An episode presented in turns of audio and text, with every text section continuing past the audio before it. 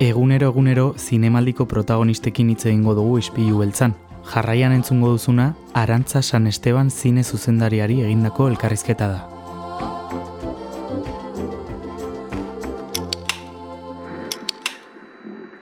bizitakoarekin izan duan trauma beste leku batzuetan sendatu dut, ez? Pelikula da izan sendatzeko bidea. Pelikula izan da nolait gauza batzu gainean jartzeko bidea, eta hori berez gogorra da, ez? E, edo gogorra gintzait.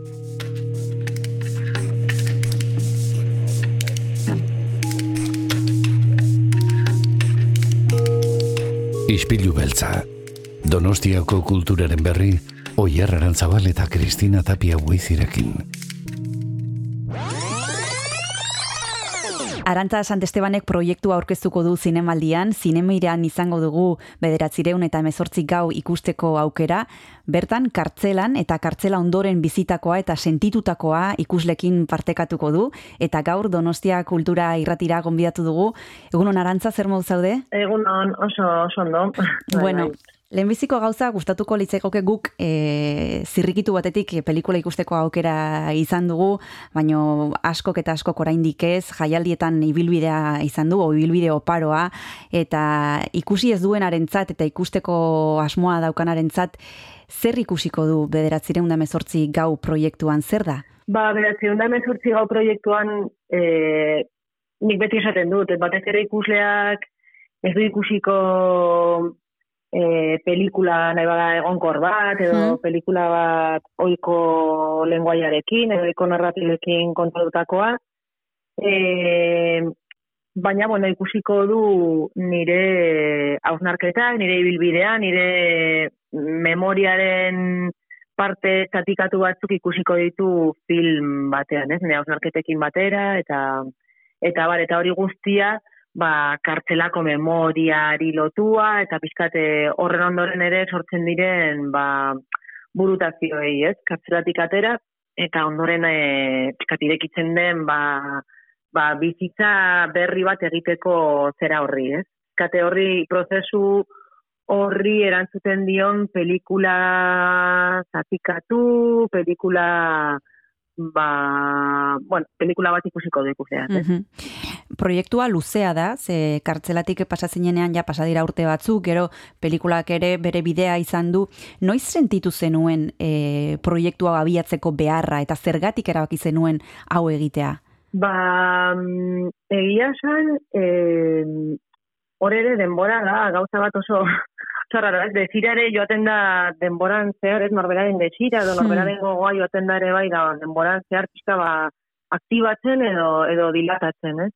Eta proiektua, ba, bueno, bere garaian, atzeatik atera, nio nintzen Barcelona zinea ikastera, eta, eta, bueno, ba, hor, hor inoiz ez nuen pentsatu alako pelikula bat egitzen, ez. E, urteak pasa ziren, eta, eta nik uste dut ba bizkate behin, bueno, denbora, beharrezko denbora bat pasata, e, paiketa pasata, eta bar, ba, hor, ba, nola baiten, ireki nuen, nire zen, bon, protartzeratik gordetzen nuen, eta nire zen artxibo gutunen, eta eta irudien artxibo, artxibo hori, eh? Kutsa batean gordeta zegoen, eta kutsa hori ireki nuenean, eta, eta dokument, dokumentu hori guztiak nire aurrean izan dituenean, orduan sortu zitzean gogoa pelikula bat egiteko horrekin.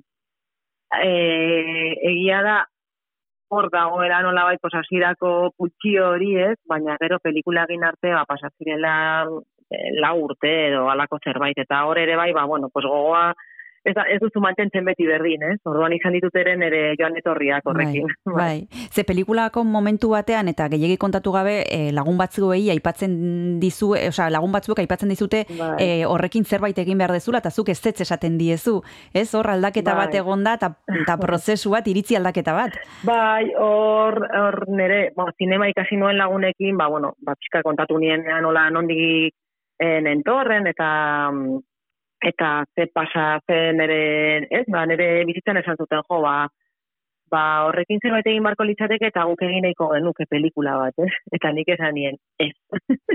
ez dut honen inguruan ez ere egin nahi, ez dut gogorik eh, honetaz hitz egiteko, eta, eta bare, beraiek egin nahi zuten pelikula nik uste zela nik eh, egin nahi nuena, ez? ba, beraiek egin nahi zuten pelikula bat, nola ba, alako, ez dakit, ba, nire, historiarekin zeudelako, zeukatelako alako liura moduko bat, edo, ez, eta nik, hain ere, liura horretatik ez nuen inolako asmorik pelikula egiteko, ez, eta gero, ia ba, denbora pasa zela, e, momentu horretatik denbora, denbora bat pasa zen, gauzak aldatu ziren, eta gero ni pizkate pelikula egitea erabaki nuenean, hain zuzen ere, ba, nahi nuen zen liura hori nolait ba, hautsi, ez? Eta egin pelikula bat askoz ere, ba, ez dakit, ba, ez liura garria, edo nire esperientzia zituen ba, alde komplexuak eta kontraesankorrak bilduko zituen pelikula bat e, mm. egin nahi izan nuen. Eh?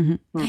Eta prozesu honetan, arantza, suertatu zaizu zerbait e, e, prozesua bera gogorra, e, zaila, disfrutatu duzu bidea, ze, klaro, e, honek esitzen du ariketa bat e, oso sakona, e, berriro bizitatu behar izan dituzu e, zure burmuinean gordeta zenitun e, gauza asko, eta nik ezakit bide horretan ba, disfrutatzerako aukera izan duzun, disfrutatzeko aukera, edo aldiz e, gogorra izan den lana.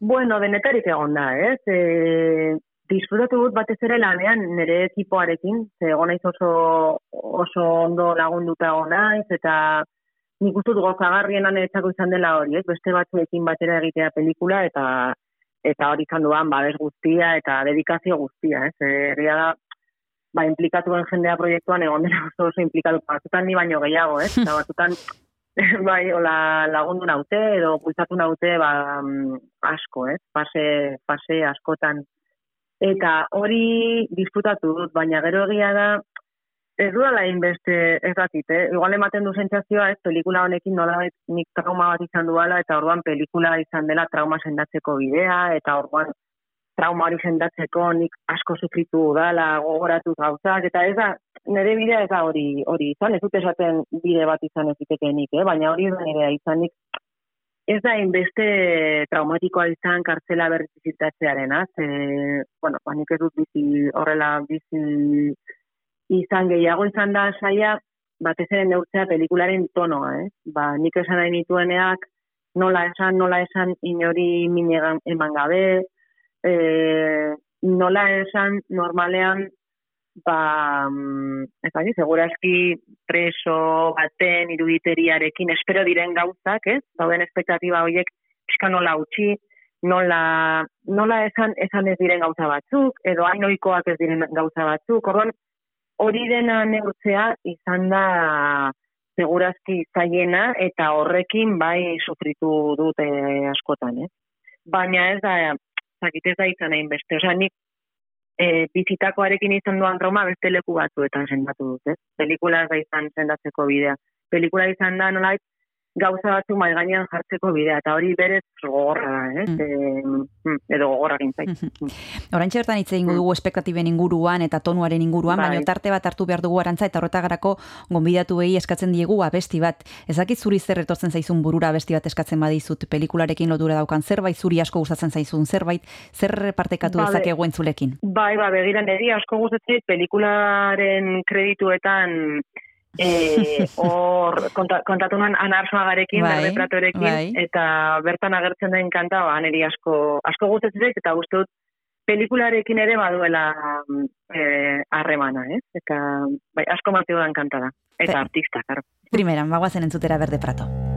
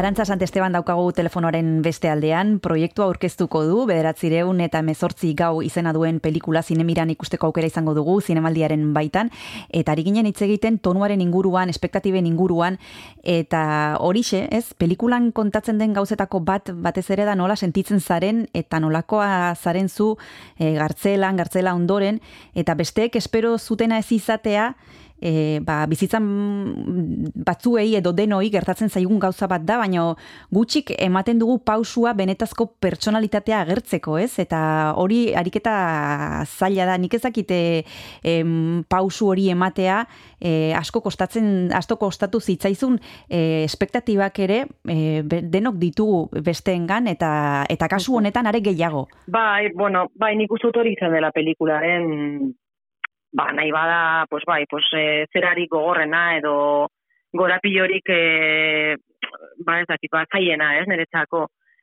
Eta, baina, bueno, nik argi nuen hasiratik egin nahi nuen pelikula pasatu hartzela korapillo horretatik, ez? Bestela ez nuke egingo pelikula, ez dakit, no, motivazio nagusia, pultsio nagusia, hain zuzen ere hori hori izan zen, ez?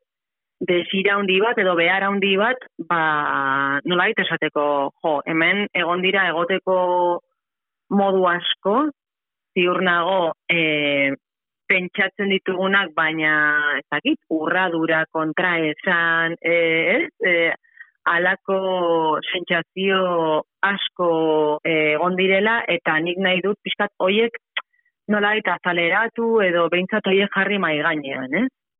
Em, eta orduan nik, ba, pizkatzuk esan duzun bezala, nik uste dut e, guztio gertatzen zaigun gauza badela, ez? Ni ez dut sentitzen ere burua e, horretan berezia, ez? E, gero azten zarenean pizka jendearekin hitz egiten, ba, ez dakit, pues, ez dago kartzela bizitzeko modu bakar bat, modu asko daude, ez dago, ez dakit, ba, militantzia bizitzeko modu bakar bat, asko daude, ez dago, bueno, ez daude, asko asko zere komplexu asko komplexuagoak e, gara, ez?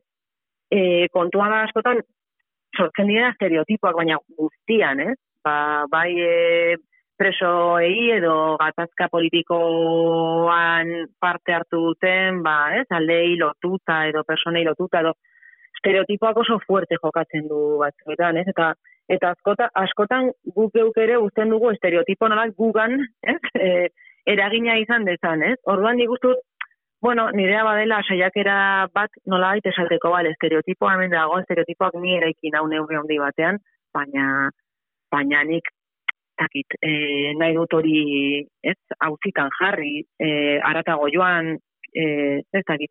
Piskat hori da, egin nahi izan duan ariketa, eh? bueno, gero ere pelikulan, ba ez dakit, ba, ba, neurri batan hori hori jasotzen da, segurazki hobetu zitekeen edo edo edo ezakit beste gauza asko egin zitezkeen, baina bueno, amaieran hori hori atera da. Mm. Mm. Bai, galdetunen izun, pozik zaude maitzarekin, zuk hasieran daukazun e, ideia eta bukaeran e, ba, suertatzen dena, gauza bera da, e, beti gelditzen zara pendiente, ba, hau beste buelta bat emango nioke, noiz ematen duzu amaitutzat proiektua? Ba, begira, horrekoan ikusi nuen pelikula lehen aldiz, e, pues, ez dakit, ba, uste, uste dut ikusi nuen la Lisboako festivalean, Aha, bai. e, behin, eta gero duela gutxi ikusi nuen beste behin, ba, bilgune feministak egin zuen nogegar urte urrenean, eta, bueno, Oste duen ere bai, ba, ba, lagun asko ba, feminismoa eta alkar ezagutu genuenak, eta iruditu zitzen aukera ona beraiekin batera ikustea pelikula berri, zen normalean ez dut ikusten nire. Eta, eta ikusi nuenean pentsatu nuen, puf, ez nuke hau egingo berri, ez nuke berri egingo pelikula, pelikula hau, eh?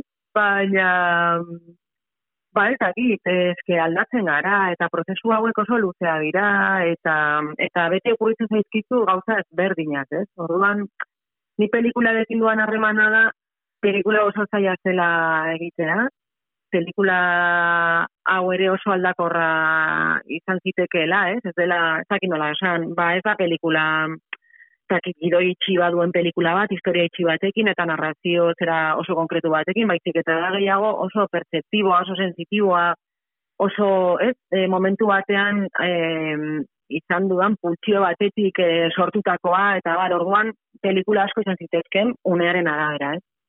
Eta horren uste dut horion hartu barrio da la pelikulari, eta horrekin ba, ba bakeak egin, eh? Bigarren tarte bat hartu behar dugu, arantza oraintxe jarraituko dugunen inguran hitz egiten, aurrekoan berde prato entzun dugu, ezakit bigarren deskantzuentarako zer proposatzen duzun? Ba, begira, hor, pelikularen musika eta e, pentsatzen lagundu dian horbait izan da, Ibon, Ibon Rodríguez, Ibon RG, eta, bueno, berak ere deskubritu zian berde prato, nik ez duelako zagutzen bere momentuan, eta, bueno, ba, iruditzen zait e, musikari e, hola oso interesgarri bat e, entzuteko moduan. Juan bere edozein gauza entzuko nuke. Ederki guazen entzutera, Ibon. Esan hilegin zaren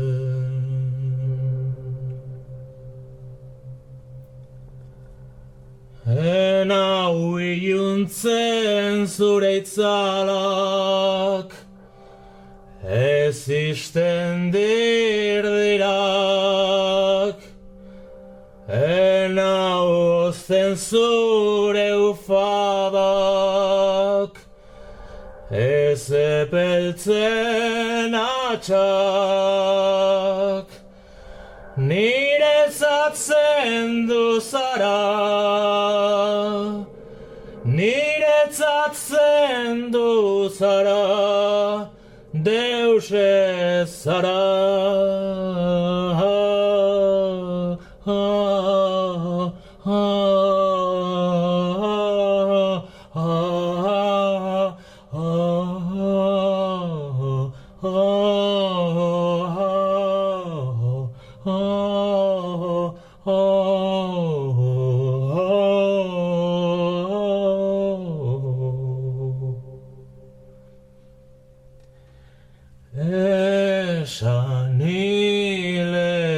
Deus zara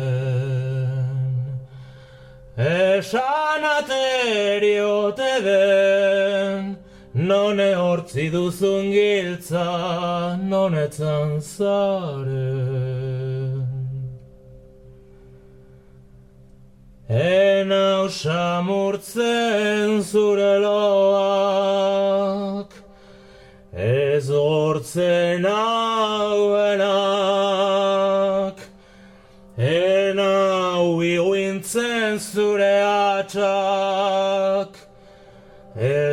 gozotzen keak. Berantz lorrondu zara, berantz lorrondu zara, hautsa zara, esan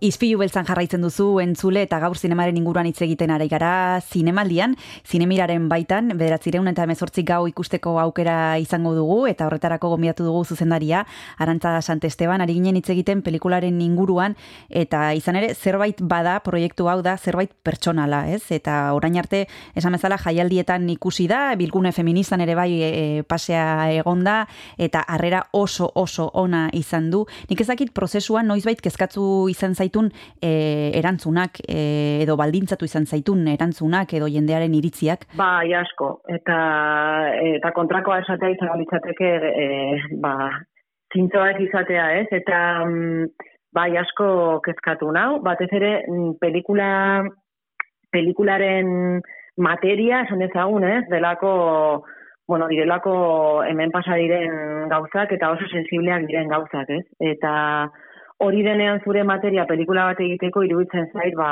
hor oso sensible eta oso fin e, ibili bar duzula, ez? Azkenean, jende askok sufritu du, jende askoren bizitza oso baldintzatua egon da, ba, hemen egon den e, gatazka politikoaren gatik, Eta orduan horrekin zerbait egitea erabakitzen duzunean da ar- ardura handiko gauza bat, ez?